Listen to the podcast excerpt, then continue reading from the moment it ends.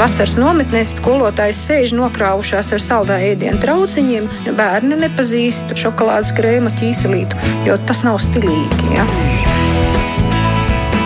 Mēs tiekamies ģimenes studijā.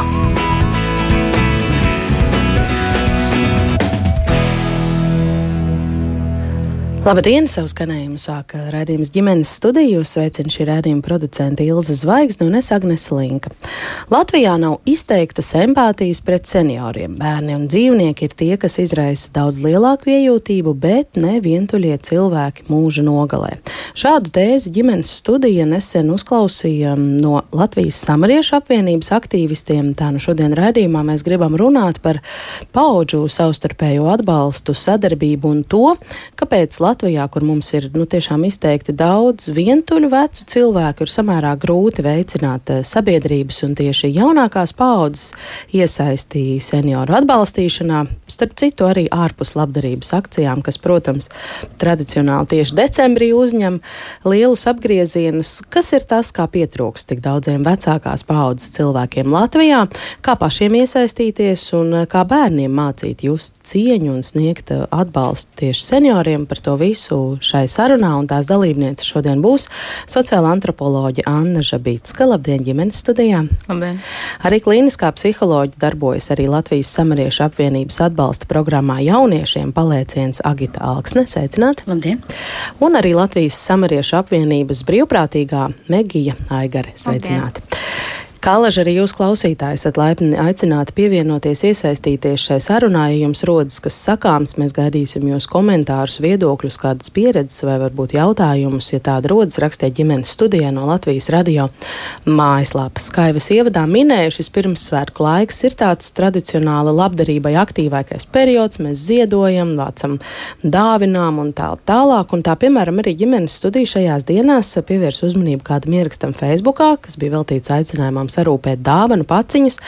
Tur bija runa tieši par Talsu novada vientuļajiem senioriem, un bija minēts, ka tāda tur ir aptuveni 250, un tad pēc tam seko nākamais ieraksts pēc pāris dienām, ka atsaucība ļoti minimāla, un aicinājums tomēr um, aktivizēties, un tad mēs arī to uztvērām kā tādu uh, zīmi, tiešām, ka mēs uh, esam īsto tematu aktualizējuši šajā laikā. Anne, es vispirms versīšos pie jums ar jautājumu, jo jūs esat pētījusi vecumu un novecošanās apzinās problemātiku mm, savu studiju pētnieciskā darba ietvaros. Kāpēc Latvijā ar šo ir problēmas un kā ir citvieta? Mhm. Es domāju, protams, ka atbilde ir ārkārtīgi daudzšķautņaina. Viens no iemesliem varētu būt, ka šis jautājums, kas notiek ar mums novecojot un kas notiek vecumdienās, nav aktuāls ne tikai sabiedrībā individu līmenī, bet tas nav aktuāls arī rīcība politikas un politikas plānošanas līmenī. Līdz ar to pilnīgi noteikti nu, šo empātiju, par ko jūs iepriekš runājāt, viņu varētu arī aktivizēt dažādos veidos, ja par to runātu un ja tas izskatītos vismaz aktuāli arī rīcība politikas politikas un politikas līmenī. Līdz to arī tur mums ir nu, šis jautājums ir stipri vien iepalicis un izskatās arī, ka, teiksim, risinot dažādus demogrāfijas jautājumus vai pievēršoties dažādiem demogrāfijas jautājumiem, gan šobrīd, gan visticamāk arī nākamā saimnes sasaukuma laikā, neskapēc šīs vecuma grupas un novecošanās neskapēc izpaliek, koncentrējoties tikai vienīgi uz dažiem citiem jautājumiem. Eh, tas būtu viens, līdz to, to varētu iekustināt caur arī rīcību politikas iekustināšanu Un otrs, es pieļauju, ka mēs kopumā varbūt esam salīdzinoši nesolidāra sabiedrība, kas nav jāuztver kā diagnoze. Es negribētu diagnosticēt sabiedrību, bet eh, tas, ka mēs interesējamies vairāk par tām problēmām, kas skar mūs pašus, nu, no sērijas studentiem, studentu jautājumiem, pensionāriem, pensionāru jautājumiem. Mm -hmm. Un kamēr mēs dzīvojam tādos diezgan sociālos burbuļos, vai kamēr kaut kāds konkrēts jautājums neskar mūs tieši, vai, piemēram, man ir vecāki, kuri nonāk pansionātā, vai, vai teiksim, man, man rados ir kaut kur, nezinu, bērniņš ar veselības problēmām specifiskām, vai man ir paziņa lokā cilvēks ar kādu reto slimību, kaut kāda specifiska jautājuma, kamēr viņi neuzrodas manā dzīvē. Man ir, man ir īpaši arī tad jāmeklē un sevi kaut kā jāaudzina un jāizglīto un jāpievērš uzmanība šiem jautājumiem, lai viņi nonāktu tādā manā redzeslokā. Un tur, protams, liels atspējas varētu būt arī, ko es arī pēdējā laikā pamanu ir mēdījos, jo, manuprāt, pēdējā laikā mēdījos vismaz caur mani ir bijuši diezgan. Uh, un caur maniem kolēģiem diezgan daudz rakstu un rakstu sērijas, kas aktualizē jautājumu par novecošanos Latvijā. Tāpēc, kā mēs iepriekš jau pirms ētera laika runājām, ka um, man, manī ir neliels apmāns manā galvā, tāpēc, ka man šis jautājums ir nepārtraukti aktuāls caur manu mm. darbu. Bet man liekas, ka tiešām arī mēdīši šobrīd aktualizē šo jautājumu. Tas noteikti ir instruments, kā pievērsties šai tēmai un atgādināt, ka mums ir ļoti dažādas sabiedrības grupas. Un tajā brīdī, kad mēs runājam par kaut kādām ievainojamākajām grupām, es piekrītu, ka mēs daudz vairāk pievēršamies teiksim, bērniem, varbūt eh, dzīvniekiem, varbūt eh, dažādām minoritātēm. Un mēs aizmirstam, ka arī eh, vecums nāk ar kaut kādu ievainojamību.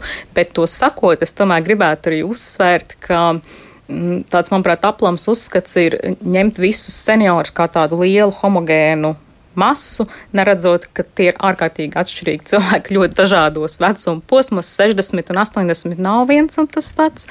Un, uh, Jā, tur nāks sociālais un ekonomiskais un dažādi citi ievainojamības. Tajā pašā laikā šie cilvēki ļoti bieži arī ir ārkārtīgi lemt spējīgi Un, manuprāt, problēma ir arī tā, ka runājot par senioriem un novecošanos, mēs aizmirstam, ka viņi patiesībā ir ļoti lemt spējīgi, rīcības spējīgi eh, cilvēki, kuri zina, ko viņi grib un ko viņiem vajag, un ka viņi būtu jāiesaista uh, lēmumu pieņemšanā, vienalga vai tā ir rīcība politika vai tā būtu arī labdarība. Proti, ko, kas ir tas, ko viņiem vajag. Mm.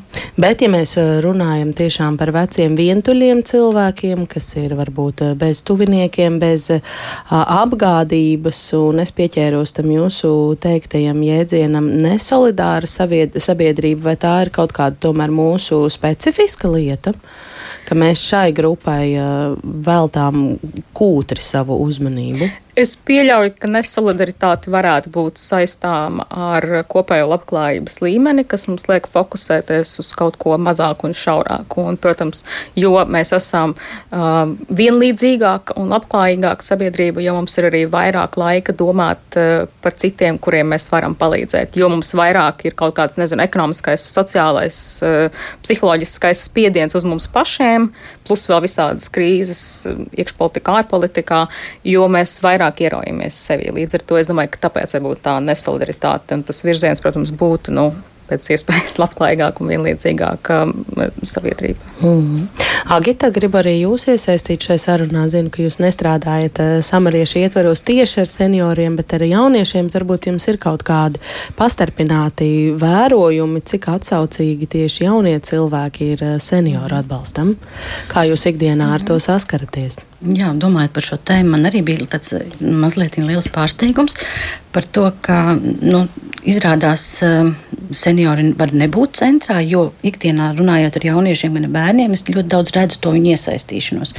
Un sākot ne tikai ar vecākiem, bet arī ar cilvēkiem, kas atrodas, kas dzīvo vien paši, kas dzīvo pansionātos, nu, dažādu akciju ietveros eh, arī mūsu programmā jaunieši, tad, ja mēs viņus motivējam un ar viņiem runājam, viņi nekad neatsaka un ļoti labprāt piedalās dažādās akcijās. Mm -hmm. Tā kā jaunie, no jauniešu puses es redzu tiešām tādu interesētību, varbūt ne pašu iniciatīvu tādu, bet uh, nekad netiek atteikts un, viņi ļoti, ļoti labprāt piedalās. Mm -hmm.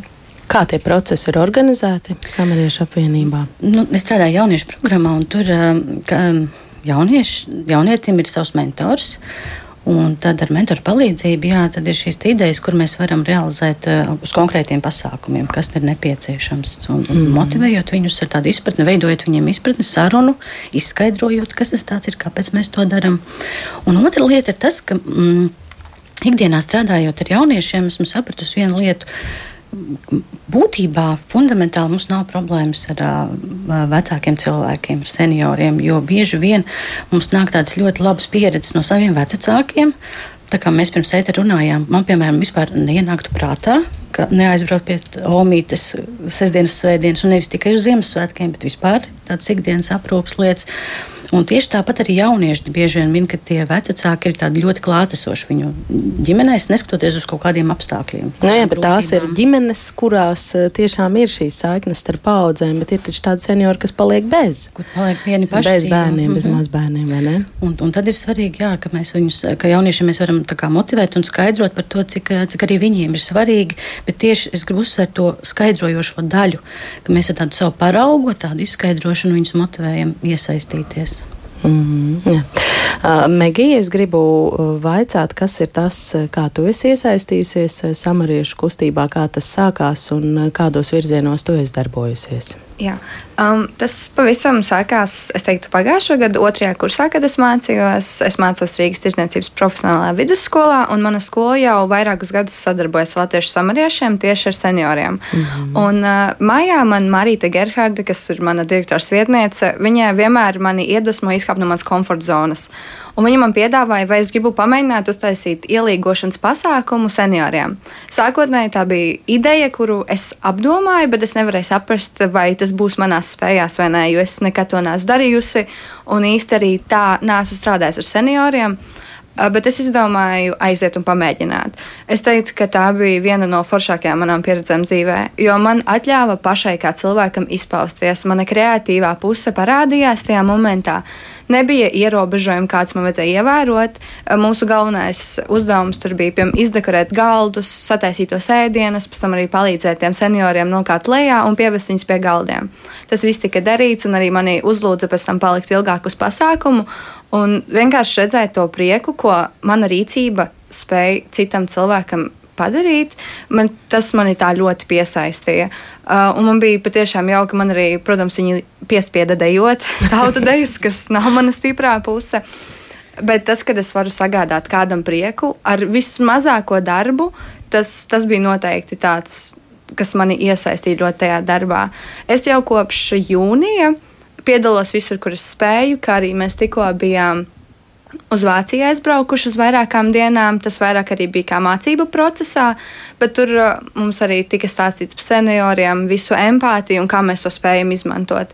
Pats pēdējais, kuras tikko biju, kas bija saistīta ar senioriem, mums bija jauno gadu diskusija, uh, kur iesaistījās gan vairākas uh, prestižas personas, kā arī es pati runāju par saviem sasniegumiem, saviem mērķiem un redzēt, ka ir iespēja dot tiem senioriem runāt, ka viņi ir uzklausīti, tur patiešām var redzēt to laimi. Viņi grib piedalīties, viņi grib to redzēt, un es arī ļoti skolā mēģinu iedvesmot pārējos, sākt to darīt, jo tā pašsajūta, ko tu dabū sevī, darot kādam citam labu, ir tas, kas mani noteikti tur aizvien tur iekšā. Mm. Kas tie bija par pasākumiem, kur jūs klājāt tos galdus? Tas bija kādās aprūpas iestādēs? Tas bija pašā Katoļa ielā 22, kur ir tā lielā Latviešu samariešu apvienības ēka, mm. un tas notika ārā. Tur uh, mums pašā visi pasākumi notiek tur, vai arī, ja kaut kur ir jābrauc, mēs braucām uz Jaunpiebalgu, es tur piekdienu braucu uz Krasta Lido, tur mums arī ir pasākums. Man ļoti daudz sanāk ceļot pa Latviju, bet pašā visi, kas ir saistīti ar senioriem, pasākumi būs tur, tāpēc, ka viņi arī tur uh, dzīvo šobrīd. Mm, jā. tevi nemulsināja, nu, teiksim, tas, tas, ka tevi uzrunāja, jā, ka būs tur ar tādiem gados vecākiem cilvēkiem kaut kas kopā jādara vai priekš viņiem. Kādas bija tās tavas domas tad, kad tev to sākumā piedāvāja? Um, es teikšu, godīgi, sākumā man bija ļoti bail, jo es sapratu, ka tie nebūs tikai parasti seniori. Ir cilvēki ar invaliditāti, ir cilvēki, kuri nespēja varbūt saprast, ko viņi saka vai ko viņi dara. Varbūt tas bija tas, kas mani nobiedēja visvairāk. Bet uh, manam vecstāvam bija tāda līdzīga situācija, tāpēc es teiktu, ka man ir tāda maza pieredze. Un es, es centos izprast, ko viņi jūt, es centos izprast, ko viņi vēlas, un tā arī komunicēt ar viņiem, komunicēt ar viņu emociju valodu. Ne ar savu emociju valodu, bet ar viņu emociju valodu. Un man šķiet, ka tas arī lika viņiem man uzticēties. Tur radās tā saikne starp mani un to otru cilvēku. Pirmajā reizē noteikti bija bailīgi to saprast un to izmēģināt, bet ar laiku, kad viņi tev sāk jau atcerēties un sāk jau jautāt, kā man gāja vakar, kā man gāja aizvakar, man šķiet, ka tas ir tas, kas reāli tā emocijas man pret viņiem ir krietni pozitīvāks šobrīd. Mm -hmm. Kā tavi vienaudži, tad, kad tu viņus uzrunā šāda veida aktivitātēm, reaģē? Um, nu, es skolā to daru ļoti bieži. Es arī vācu visus ziedājumus tur un uh, visu nepieciešamo. Ir divpusējas atsauksmes, ir, protams, pozitīvas un arī ir tādas negatīvas. Jo ir daudz cilvēku, kur uzskata, ka viņiem nevajadzētu strādāt pa brīvu vai palīdzēt citiem, bet man šeit tas nav tajā cilvēkā, tas ir tajā, kā viņš tika audzināts, kad viņam tas netika īsti iemācīts. Manā ģimenē jau no mazotnes empātija ir parādīta. Mana mamma mums jau to ir iemācījusi, kopš es varu atcerēties, kā viņa izrādīja empātiju pret savu māmu, pret savu tēti. Tas, tas man ir vienkārši kā maza norma dzīvē. Es neuzskatu, ka man vajadzētu apbalvot par to darbu, vai man vajadzētu teikt paldies. Jo tas ir tas, ko, ko es varu darīt savā brīvajā laikā ar saviem spēkiem, un man nevajag nekādu tur citu pielietojumu. Es esmu piesaistījis vairākus eh, paudžus no savas, nu, pa, vienaudžus, jā. Jā, vienaudžus no savas skolas. Viņiem arī ļoti patīk tas darbs, viņi nekad nebija pat pieredzējuši kaut ko tādu. Un ir arī cilvēki, kuriem nav mācīta empātija ģimenē, un es cenšos viņiem to pati arī parādīt. Un mēģinu pievērst viņus tiem darbam, un es esmu redzējis lielu progresu daudz cilvēkos manā vecumā, uh, kuram, kuriem bijusi iespēja atnākt ar mani vismaz vienu pasākumu pamēģināt vai tam līdzīgi. Mm, jā. Kaut kas, par ko jūs eh, domājāt, klausoties Megijas teiktajā, Hanna? Jā, man liekas, ka caur Megijas stāstu mēs brīnišķīgi varam redzēt pirmkārt šo attiecību apusējību. Ka tas jau nav tikai par to, ka lūk, viena puse tad rūpēsies vai sniegs atbalstu, un otra tikai teiksim, ņem, bet, kā arī, teiksim, Megija, vismaz tā es saklausīju, viņa ļoti daudz ko ir guvusi. Ja, proti, arī e, šie seniori šajās attiecībās pareizībā rūpējas, un, un viņiem interesē, teiksim, kas notiek ar Megiju. Man liekas, ka tas ir labs tāds izējas punkts, ka nevis skatīties uz šīm attiecībām, vienalga, vai mēs braucam uz aprūpas centriem vai kaut kādās dienas centros, ka, ka mēs tagad iesim un rūpēsimies, un ka, ka ka tās vienpusējas attiecības, bet ka tur ir miedarbība un tās rūpja attiecības ir daudz šķautņainas, un arī par mums viņi rūpējas tādā veidā. Mm. Agit, ko jūs domājat? Un, šādās attiecībās mēs momentāli saņemam atgriezenisko saiti. Jo tad, ja mēs, piemēram, piedalāmies dažādās bezpersoniskos ziedošanas pasākumos vai kādas labdarības, tad tā atgriezeniskā saite nevienmēr nonāk. Bet, ja mēs kontaktējamies ar dzīviem cilvēkiem, tad arī šis prieks un no tās viņa emocijas ja, dod mums to apstiprinājumu, ka mēs esam ļoti labi darbu ieguldījuši. Mm. Mēs esam labi cilvēki vispār.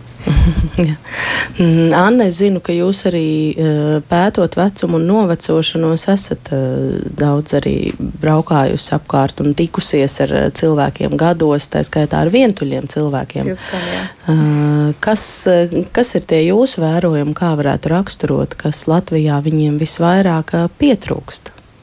Manuprāt, universālas vispār cilvēciskas vērtības, kas nav tikai par Latviju, visvairāk pietrūkst attiecības un sarunu.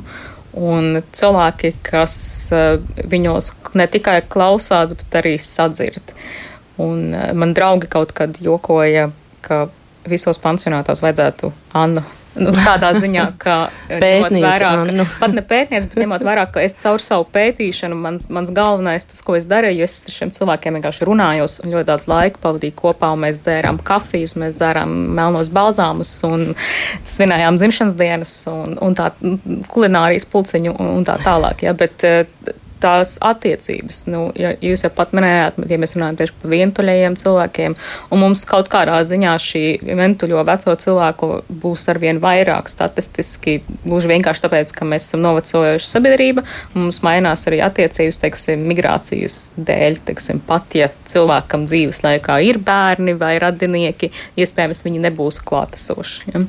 Uh, un tā klausīšanās un šī saruna un tā socialitāte un sabiedriskums un biedriskums ir tas, kas, manuprāt, ir visvairāk nepieciešams vienalga, kurā pasaules valstī cilvēks dzīvo, tāpēc, ka kurš cilvēks ir sociāla būtne. Mm -hmm. Uh, Agita, kā jūs teiktu, vai ir kaut kāds iemesls, kāpēc mums būtu svarīgi runāt un domāt tieši par jaunu cilvēku mm -hmm. iesaistīšanu, senioru atbalstīšanā, mm -hmm. brīvprātīgo darbā un tam līdzīgi? Mm -hmm. um, tas, ka tie varbūt nav vidējās paudzes mm -hmm. cilvēki, bet tie ir tieši jaunieši, kas ar to mhm. nodarbotos. Mm -hmm. Nu, redz, kā ar to empātiju ir. Viņa mums ir ļoti dabisks process.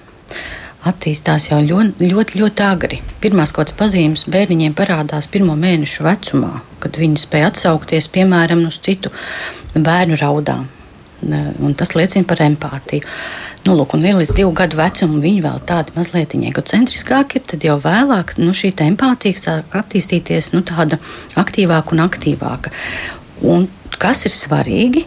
Ka vecāki klātesot arī māca šīs lietas, kas ar savu paraugu ne tikai eh, kā tādu teoriju, bet arī to paraugu iesaistot bērnus dažādās aktivitātēs. Un, un tādā veidā viņi iemācās vispār būt tādi. Nu, tā tas vērtības pieņemt, un arī globāli ne tikai par kaut kādu vienu šauru tēmu, bet vispār skatīties uz pasauli ar tādām atvērtām acīm. Kāpēc tas ir svarīgi? Tādēļ, ka zinātniski pierādīts, ka tie cilvēki, kuriem šī empātija ir ļoti attīstīta, viņi daudz veiksmīgāki skolas gaitās, vēlāk dzīvē, darbā, viņiem ir daudz vairāk draugu, ļoti labas attiecības ar kolēģiem, viņiem vieglāk veidot attiecības ar pretējo dzimumu un, un tā tālāk, un tā tālāk, un tā tālāk. Viņi vispār dzīvē ir veiksmīgāki. Nu, lūk, tāpēc, nu, vienkārši domājot par to ilgtermiņā, tad um, svarīgi, kāpēc mēs bērniņiem to attīstam. Un, un nu, tur ir dažādas tās specifiskās mazās lietas, kā, kā mēs to varam darīt, bet arī svarīgi, ka mēs Nu, arī viņiem kā, neliedzam izrādīt pašiem šīs te, nu, iejūtību vai tādu ieinteresētību. Jo, ja mēs runājam arī par senioriem, ja mēs nu, teiksim, neņemsim viņus līdzi vai kā, mēģināsim ierobežot, tad viņiem arī nebūs tā pieredze, varbūt, kas, kas dabiskā veidā var izveidoties. Tā kā mēs pirms raidījuma visi trīs runājām, jā, ka mums tas liekas ļoti dabiski, jo mēs esam auguši tādās vidēs, ģimenēs, kur tas ir ļoti pašsaprotami. Ja vispār ne, nerastos vispār tāds jautājums, kā rūpēties par citiem cilvēkiem, un ne jau tikai varbūt par to materiālo pusi, par tām Ziemassvētku dāvanām, bet arī par to tieši emocionālo, par to sarunu, par to klātesamību, par to interesētību, jā, kā tad viņiem iet. Jo viņi jau mums ārkārtīgi daudz var sniegt. Un kas ar senioriem ļoti labi? Kā es teicu par to atgriezenisko saiti, ka bērns saņem atgriezenisko saiti par to, ka to, ko viņš dara, tas ir ļoti labi ka viņš dara pareizi. Un līdz ar to līdz, vēlāk viņš iemācās, ka tas uh, līdzjūtība, tolerance, cieņa, ieinteresētība, tas viss ir tas uh, dabisks process, ar ko viņš tad, izmanto kā instrumentu visās citās attiecībās. Mm, jā, Vārdu sakot, formula labākai sabiedrībai. Jā. um, es pie, pieķēros atkal tam, ko jūs iesākumā teicāt par empātiju, ka tā ir tāda dabiska cilvēkam lieta. Un salīdzinu to ar Megijas teikto, kur teica, nu, manā ģimenē tas vienmēr ir bijis pašsaprotami. Māma to ir mums parādījusi, tas man ir ieaudzināts. Vai tas ir stāsts arī par kaut ko, kas mums būtu saviem bērniem jāieaudzina un jāmāca? Pat ja varbūt mums nav vairs pašiem to uh, savu uh, nespējīgo vecīšu ģimenē, par kuriem rūpēties, kaut kur viņi ir. Mm -hmm. Viennozīmīgi, protams. Um, man ļoti simpatizē tas, ka ne tikai ģimene kā viena kā sistēma darbojās šajā jomā, bet arī bērnu dārza un skolas. Kas arī iesaista bērnus dažādos pasākumos. Un, es zinu, dažādas pašvaldības ir pierīgā, kur tiešām ne tikai Ziemassvētkos, bet arī citos pasākumos ļoti apzināti tiek apdāvināti, tas nerunāju gluži par tādām ļoti dārgām dāvanām, bet, piemēram, tiek vākti ievārījumi, tādas mazas garšīgas dāvanīs tiek veidotas kopā vecāki ar bērniem, viņus skaisti iesaiņo, savāc un tad nogādā konkrētā pansionātā. Un savukārt arī pansionāti vecīši tiek aicināti uz tādiem pasākumiem, tiek uzcelt, uzklāts galds, cienestiņš tiek uzlikts, un arī tāds ļoti jauka pasēdēšana kopā gan ar tiem vecākiem, ar bērniem. Mm -hmm. Tā kā tas ir viens no variantiem. Mm, Mums ap cik bija šāda pieredze, kuras pansionātu bērnu dārzs sūtīja dāvana kastes, visādas labumus, arī paštaisītas un paštaisītas galda spēles, kas, ko mēs lietojām. Un pēc tam nu, mums jāsūt pretīm kaut kas ir. Un tad kundze sadīja zeķes dažādi izmēri, mazākas, lielākas, mazākam, lielākam pēdiņām. Mazāks, mazāks un vēl mazāks. Vēl mazāks un sūtījām tad pretīm. Bet es gribēju arī tieši teikt, manuprāt, ka nu, noteikti skolām ir šis milzīgais potenciāls, vai vismaz tur būtu jābūt potenciālam, jo tā ir vieta, vieta un un vide, kur bērns ārpus ģimenes pavada varbūt pat vēl vairāk laika nekā ģimenē. Un, ka tas, tas tā ir vieta, kur uh, dažādas projekts attīstīties, skaitā arī. -hmm. Megija rodas, kas piebilstams, droši iesaisties jā, mūsu sarunā. Jums vēl bija kas sakāms? Es pavisam vien teikam par to, ka bieži vien šīs idejas bērni atnes no bērndārza un no skolas mājās un iesaist savus vecākus. Līdz ar to tas sanāk tāds kā ķēdīt, ja, kur daudz vairāk cilvēku tiek iesaistīti šajā te, tāda, nu, labdarības, mm. jeb tādas cilvēcības jomā. Ilza mums raksta, nedaudz pievērsīšos klausītāju teiktiem, skolas laikā ar deju kolektīvu mums bija jābrauc uz koncertiem pansionātā. Mm, kaut kā tā pieredze nav, nav palikusi atmiņā kā ļoti iepriecinoša. Man šķiet, ka mums bija bail no šiem dīvainajiem un skumjajiem vecīšiem. Interesanti, kā un vai šobrīd skolas savus jauniešus iesaista tādās labo darbu akcijās un cik pirms tam izskaidro šādu pasākumu jēgu. Anna, jūs mājāt aktīvi ar galvu. Jā, es pilnīgi saprotu šīs emocijas situācijas. Ja, piemēram, tajā pansionātā, kuras pēdējos gadus uzturos pētu un ik pa laikam atgriežos, tur arī aktīvi apkārt dzīvo, teiksim, darbinieku bērni. Un, un šie darbinieki bērni ir tik ļoti saraduši ar pansionātu dzīvi un ar visiem tur dzīvojošiem cilvēkiem, ka viņiem, teiksim, nu, lūk, šie īpatnējie cilvēki, kas varbūt šeit izskanēja komentārā, šķiet absolūta norma. Un viņi, piemēram, arī atceros, ka es vienai meitenei jautāju, Viņai septiņi gadi. Viņa tur dzīvojas, tur viņa blakus tieši pansionātā dzīvo. Viņas mamma ir aprūpētāja šajā pansionātā. Es viņai prasīju par nu, kas tu gribētu būt, kad izaugs liela. Viņa pilnīgi pārliecinoši man teica, ka viņa gribētu būt pavāra šajā pansionātā. un, protams, ka viņas domas var mainīties, bet tas parāda, cik ļoti viņai šī vide šķiet eh, normāla. Un arī, teiksim, citu darbinieku bērni, kas brauc arī ar šiem koncertiem un Ziemassvētkiem vai uz citiem svētkiem, viņiem tā liekas pilnīgi dabiski, ka viņu dzīves sastāvdaļa, un šie cilvēki šeit pilnīgi dabiski, viņu dzīves sastāvdaļa. Mm. Un, protams, ka eh, tas var būt, teiksim, pārsteigums vai pat šoks atbraucot pirmo pirmo reizi uz pansionātu, jo tā ir specifiska vide. Tur var būt specifiski aromāti, tur var būt uh, specif... Eh, mēs redzam cilvēkus, kurus mēs neesam iepriekš redzējuši dažādām invaliditātēm un traumām, ko arī Megija minēja. Un pie tā ir jāpierod, un tas ir normāli, ka var būt šāda pretreakcija. Un otrs, kas, ko es arī māju ar galvu. Um, eh, Es pati to neesmu pieredzējusi, jo es atnācu uz šo pansionātu tieši pandēmijas laikā.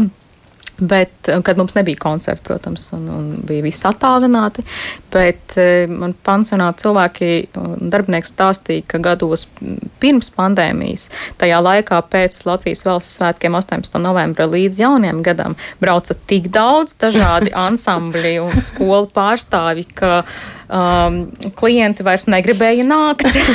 kā arī viņiem bija izveidojies jau nogurums, ja tev katru otro dienu jāiet uz pīrāgiem un jāklausās dziesmas. Ja, tas bija pārsātinājums. Ja, mēs tikpat labi varētu to iztiept pa visu gadu, tad tas visiem būtu daudz labāk un priecīgāk nekā iespiest tajā vienā mēnesī. Šos. Nu jā, bet tas ir tas stāsts, ka tas mums ļaus sajusties labi, jo jā. pirms svētku jā. laikā jā. mēs būsim snieguši koncertu. Jā un par to paši sev pasitīsim pa plecu.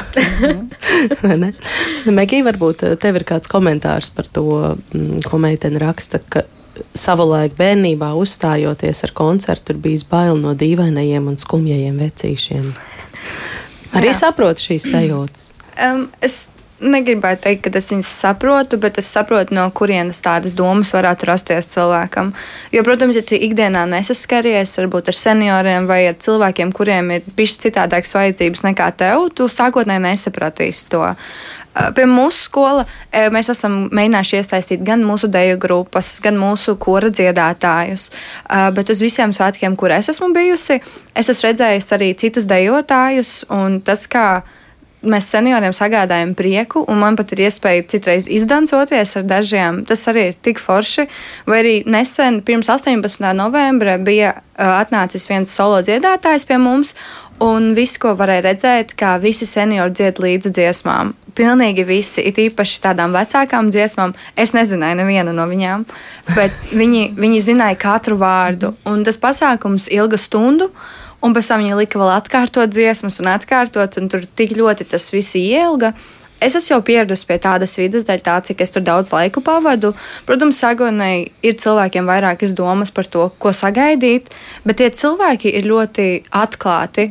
Viņi noteikti nav tādi, kas padarīs to vidi neinteresantu vai tam līdzīgi. Viņiem ir savs stāsts katram, un līdz ko tu dzirdi tā cilvēka stāstu, viņš arī izdzird tavējo, kā tu nonāci tur man nav bijušas tādas domas, ka man būtu bail vai kaut kas tamlīdzīgs, bet es, es noteikti saprotu, kā, kāpēc cilvēkiem var tādas lietas rasties. Mm -hmm. Jā, interesanti, kāds klausītājs raksta visu cieņu Megijai, bet visiem nav tik gaišas uh, sajūtas. Sagat, varbūt uh, jums kā psihologam ir skaidrojums, nu, kāpēc viens saka, vai man tur forši gāja, es tur izdancojos varbūt ar, ar kādiem večukiem, jā, pie vienas rokas pieturē, pie otras rokas spieķīts, un cits kāds varētu aiziet, nu, vai kāda jauna meitene un vienkārši kantēnām acīm skatīties un, un, un skurināties.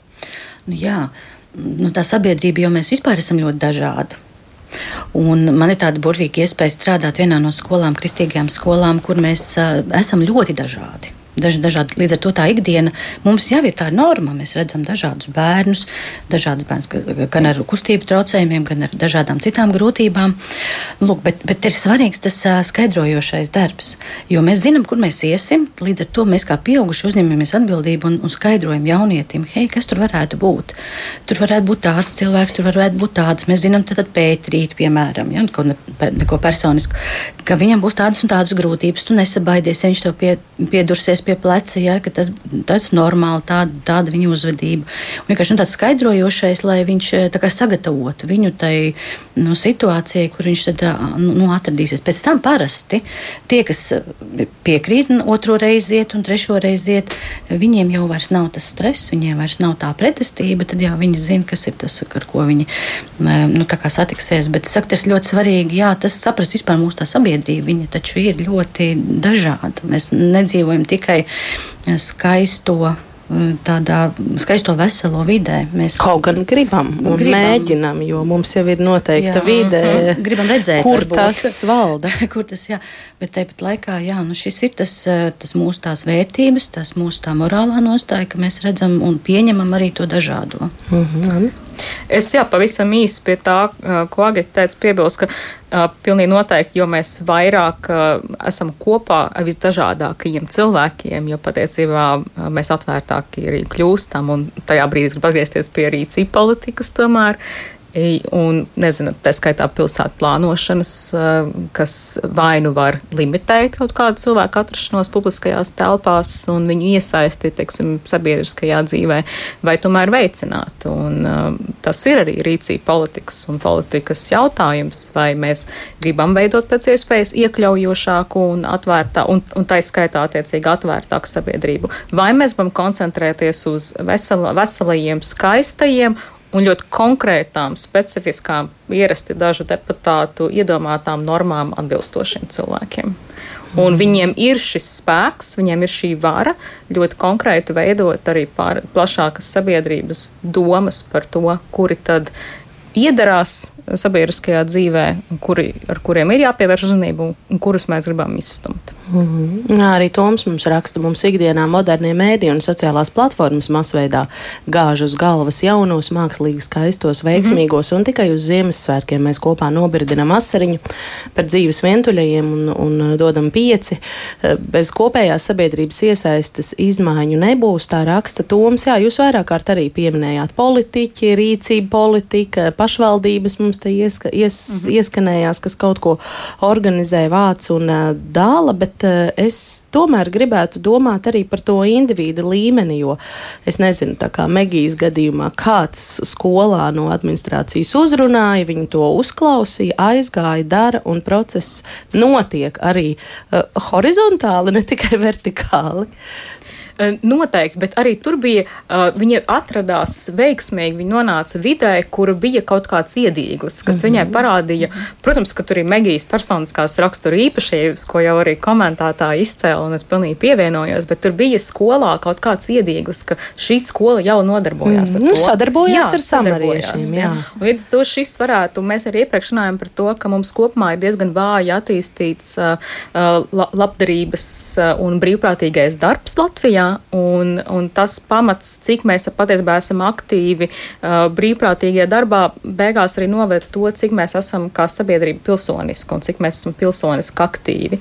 Līdz to tas, protams, tas ir par šo vertikālo, bet arī, ver, bet arī horizontālā līmenī, kā jūs minējat, caur dažādām institūcijām mēs varam radīt iedīgļus, lai cilvēki gribētu iesaistīties, lai viņiem parādītu, ka vispār ir iespēja to darīt. Iespējams, ka mēs pat dzīvojot savos burbuļos nezinām, ka to var darīt, un mēs nezinām, ka tas ir forši mm. un ka mums patiks. Neaizdod, neaizdomājamies. Jā. Mm. Agnes mums raksta, ka bieži klausoties ģimenes studijas raidījumus, viņa brīnās, cik ļoti daudz tiek runāts par mazu bērnu vecāku atbalsta jautājumiem, bet praktiski nekad neskaram senioru nabadzības tēmu. Tādēļ īpašs prieks par eh, šodienas raidījumu. Un Uldis jautā, vai nav tā, ka mūsu sabiedrības sociālā apziņa ir pārejas periodā starp noslēgto aizdomu pilno karus piedzīvojušo piesardzīgo vecāku bērnu domāšanas uz rietumnieciski atvērtāko Viņš raksta, ka saviem vecākiem es tevi mīlu, pār lūpu pārspļaut varu ar lielu diskomfortu un moku sajūtu, kaut arī tā no sirds domāju, jo bērnībā pats to ļoti reti dzirdēju. Nebija pieņemts tā teikt saviem bērniem, to saku bieži, un arī no viņiem to dzirdu regulāri. Un tieši šī emocionālā atvērtība tiešā veidā no ģimenes iziet uh, sabiedrībā. Tāds uh, šī klausītāja skatījums uz procesiem, kam var piekrist vai ko piebilst viņa rakstītajam? Es ļoti ceru, ka viņam ir taisnība, ka mēs tiešām kļūsim ar vien atvērtāki un atvērtāki. Un no paudzes uz paudzi eh, nodosim to tādu mm, tradīciju, ka mēs varam rūpēties viens par otru un mums nav jāgaida kaut kāds īpašs uzaicinājumi. Es pieļauju, ka bērnu vecumā pašiem iniciatīva viņiem var nerasties, nebūt tāda, tādas izpratnes, bet tāpēc man ir ārkārtīgi prieks par pieminētiem bērnu dārziem un skolām, kas tiešām organizē dažādus pasākumus un tādā veidā arī bērniem māca par to, ka mēs varam iesaistīties un būt noderīgi ne tikai tādā materiālā ziņā, bet arī tādā tīrē empātijas un emocionālā nu, intelekta ziņā. Mm -hmm, jā, nu. Es arī ceru, ka mēs virzāmies uz atvērtāku sabiedrību. Un, protams, ka tur arī vēsturiski, politiski iemesli, kādēļ varbūt mums ir noslēgtība vai kādēļ mēs konkrētas arī minoritātes esam nostūmuši. Ja, Teiksim, ja mēs kaut kā paskatāmies, kur ierasti agrāk, agrākos laikos arī cēla nezinu, psihoneiroloģiskās klīnikas kādās nostūros, un tā skaitā teiksim, arī sociālās aprūpas iestādes. Um, Es arī ceru, ka mēs daudz vairāk runāsim jā, ne tikai par nepieciešamo atbalstu teiksim, bērnu audzināšanā, bet ka mēs uz aprūpas un rūpju attiecībām skatīsimies daudz kompleksāk. Proti, iespējams, ka mēs arī demogrāfiju varam veicināt, teiksim, atvieglojot arī neksim, vidējai paudzei viņu rūpes par vecāko paudzi, mm -hmm. jo šīs attiecības jau ir saistītas. Līdz ar to es domāju, ka mums runājot par bērniem, mums ir jārunā par vecākiem cilvēkiem, runājot par vecākiem. Mēs pareizībā runājam arī par bērniem. Mm -hmm. Bet vai ir tā, es zinu, ka jūs eh, strādājat, studējat, pētat arī ārvalstīs, vai ir arī tā, ka šeit pie mums viss ir aizkrāsnē un tad uh, gaišajos rietumos viss ir sakārtots un visi jaunieši naski apciemo un socializējās ar večukiem? Nu, nav tā, nav tā, protams. Uh, mums ir, kaut, mums ir, protams, kaut kādas nacionālās īpatnības, mums ir arī, nu, arī finansiālais aspekts jāņem vērā. Mēs, teiksim, teiksim, es, es studēju jau vairākus gadus dzīvoju dzīvoju Austrijā, Vīnē, kas ir ļoti, ļoti turīga valsts, un viņiem tīri finansiāli tiksim, šis jautājums ir daudz vairāk sakārtots nekā, nekā mums. Mēs ļoti finansiāli iepaliekam. Bet vai mēs esam tur sliktāka sabiedrība obligāti, es negribētu vispār domāt šādās mm -hmm. kategorijās. Tās ir ļoti vērojami arī par nianses. to, kā ir tur. Um, es neesmu koncentrējusies uz pētniecību tur, bet, teiksim, man kolēģi, kas uh, Austrijā arī pēta novecošanās procesu, protams, ka izaicinājumi ir arī tur, lai arī, teiksim, finansiāli labāk nodrošināt, arī tur ir starpaudžu um, attiecības, tur vēl nāk klāt tas, ka, piemēram, par, vi, par viņiem arvien vairāk sāk rūpēties, teiksim, migranti, migranti no Rumānijas un no citām uh, centrāla austrumu Eiropas valstīm, un sanāk, teiksim, ka Rumāņi atstāja savus novecojošos Jā. vecākus, lai viņi viņi iet rūpēties par vācu un, un austriešu pensionāriem. pensionāriem ja, kā, tur ir dažādas ļoti sarežģītas nianses. Ja. Jā. Vēl kāds eh, klausītājs parakstījies, kā anonīms raksta, ķecerīga doma, bet vai daļa šo senioru tomēr nav arī tādi, kas nodarījuši pāri savai ģimenei un tādēļ ir tur, kur ir, un tādēļ ir vientuļi? Varbūt tas tās dažādi. Ja. Varbūt es varu piebilst. Um, protams, varbūt ir kāds, kurš ir tāds, bet mēs nezinām katra cilvēka to stāstu. Un mums katrā ir savs arī sliktais. Mēs neesam visi balti un pūkaini. Mums noteikti ir arī savs sliktais, un tas piemīt katram cilvēkam. Varbūt viena maza kļūda savā dzīvē, varbūt ir tā komunikācijas barjera bijusi, kas viņu ir novedis līdz tādam momentam, bet mēs jau nezinām, kā viņš uzauga. Varbūt viņam ģimenē pat nebija tā empātija, un tāpēc viņš nezināja, kā saviem bērniem to izrādīt. Protams, mēs arī katrs savā dzīves ceļā to iemācāmies. Varbūt tāpēc ir tas cilvēks nonācis tur. Varbūt nebija līdzekļu, kā rūpēties savā ģimenē par viņu, tāpēc viņu ielika, kur uzskatīja, kur būtu labāka atmosfēra viņam. Mēs īstenībā nekad nezināsim atbildi, ja tas pats cilvēks mums to nepastāstīs, bet mēs arī nevaram pārmest to kādam cilvēkam dēļ, tāda, dēļ kļūdām, ko viņš ir pieļāvis. Jo Varbūt tas ir sācies viņa ģimenē, aizgājis uz viņu, un viņš to ir nodevis tālāk, jo varbūt viņam tas ir iemācīts kā pareizi. Mēs nevaram nekādīgi atbildēt pat uz šo jautājumu ar, jā, es piekrītu, nē, es nepiekrītu, jums ir pareizi, jums nav pareizi. Tas ir kā mēs tiekam iemācīti un kā arī kā mēs tiekam audzināti. Mm -hmm. Es piekrītu perfekti. Megija viss stāstīja, aprūpas iestādēs dzīvo tikpat dažādi cilvēki, kādi mēs esam uh, sabiedrībā. Ir uh, vissirsnīgākie cilvēki un ir arī mazliet nešpatnāki cilvēki, bet, uh, ja mēs ejam veidojam attiecības, tad tā nav mūsu darīšana, kas notiek viņa ģimenes dzīvē. Tās, tās, tās ir tur un iespējams, ka viņš šo kļūdu mēģina labot, nezinu, veidojot citas jaunas attiecības un tam nebūtu jāpievērš nu, uzmanība. Ja. Um, un vēl viens būtu īri no, no datiem, ka daudz. Uh, Nu, mums statistika, ko mums rāda, vīrieši nomirst eh, ātrāk, līdz tam mums ir daudz vairāk, teiksim, arī aprūpas iestādēs ir tieši gados vecāku kundzīšu, kuras ir, ir atraitnes. Tajā pašā laikā um, vīrieši biežāk izjūt vientulības sajūtu, pat tad, ja viņi ir jaunāki, teiksim, nonākuši aprūpas iestādē, kas ir saistāms uh, ar nu, vecā laika audzināšanas metodēm, proti, ka sievietes ir tās, kas ir dzīves laikā uzturējušas tā saucamās radniecības attiecības, mīlestības attiecības un attiecīgi nostiprinājušas daudz plašāku sociālo uh, tīklojumu. Mm -hmm. Un vīriešiem šis sociālais tīklojums ir uh, plānāks un mazāks, un bieži vien arī ir problemātisks, daudz biežāk problemātisks attiecības ar saviem pieaugušiem bērniem. Varbūt pat ne problemātisks, bet viņas ir saltākas, un attiecīgi vīrieši daudz biežāk stāsta tieši par vientulību nekā sievietes, mm. kuras vispār nodzīvo ilgāk, un tur tie vientulības aspekti ir mazliet citādāk. Mm, šis ļoti interesanti, jā, paldies par to. Ilze mums raksta, varbūt sociālo zinību mācību procesā varētu visiem vidusskolniekiem iekļaut stundas, kurās um, noteikti jāapmeklē kāds brīvprātīgais darbs. Nu, ļoti laba doma. Brīvprātīgi obligātais darbs. Obligāts brīvprātīgais darbs. Interesanti. Mm, šai sakarā arī interesanti, ka tieši rīt notiks tiesības sarga biroja igadējā cilvēktiesību un labas pārvaldības konference. Šogad tā dots nosaukums Cieņpilna iesaist kā demokrātijas pamats, un tajā viena no paneļa diskusijām būs par cieņu un tāds jauns termins senioritāti.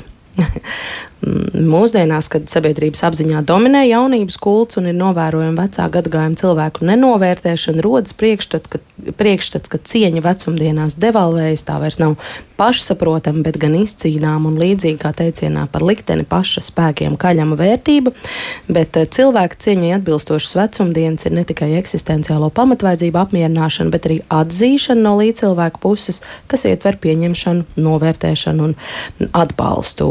Tā ir arī pienākumu un vajadzības apziņa, iespēja pilnvērtīgi iekļauties, darboties un realizēties sabiedriskajā dzīvē. Lūk, tā šo sarunas virzienu iezīmē diskusijas rīkotāji šobrīd Tiesības sarga biroja sociālo, ekonomisko un kultūras tiesību nodaļas vecākā juriste Elīna Ūsiņa pievienojas mums ģimenes studijā telefoniski. Labdien, Elīna!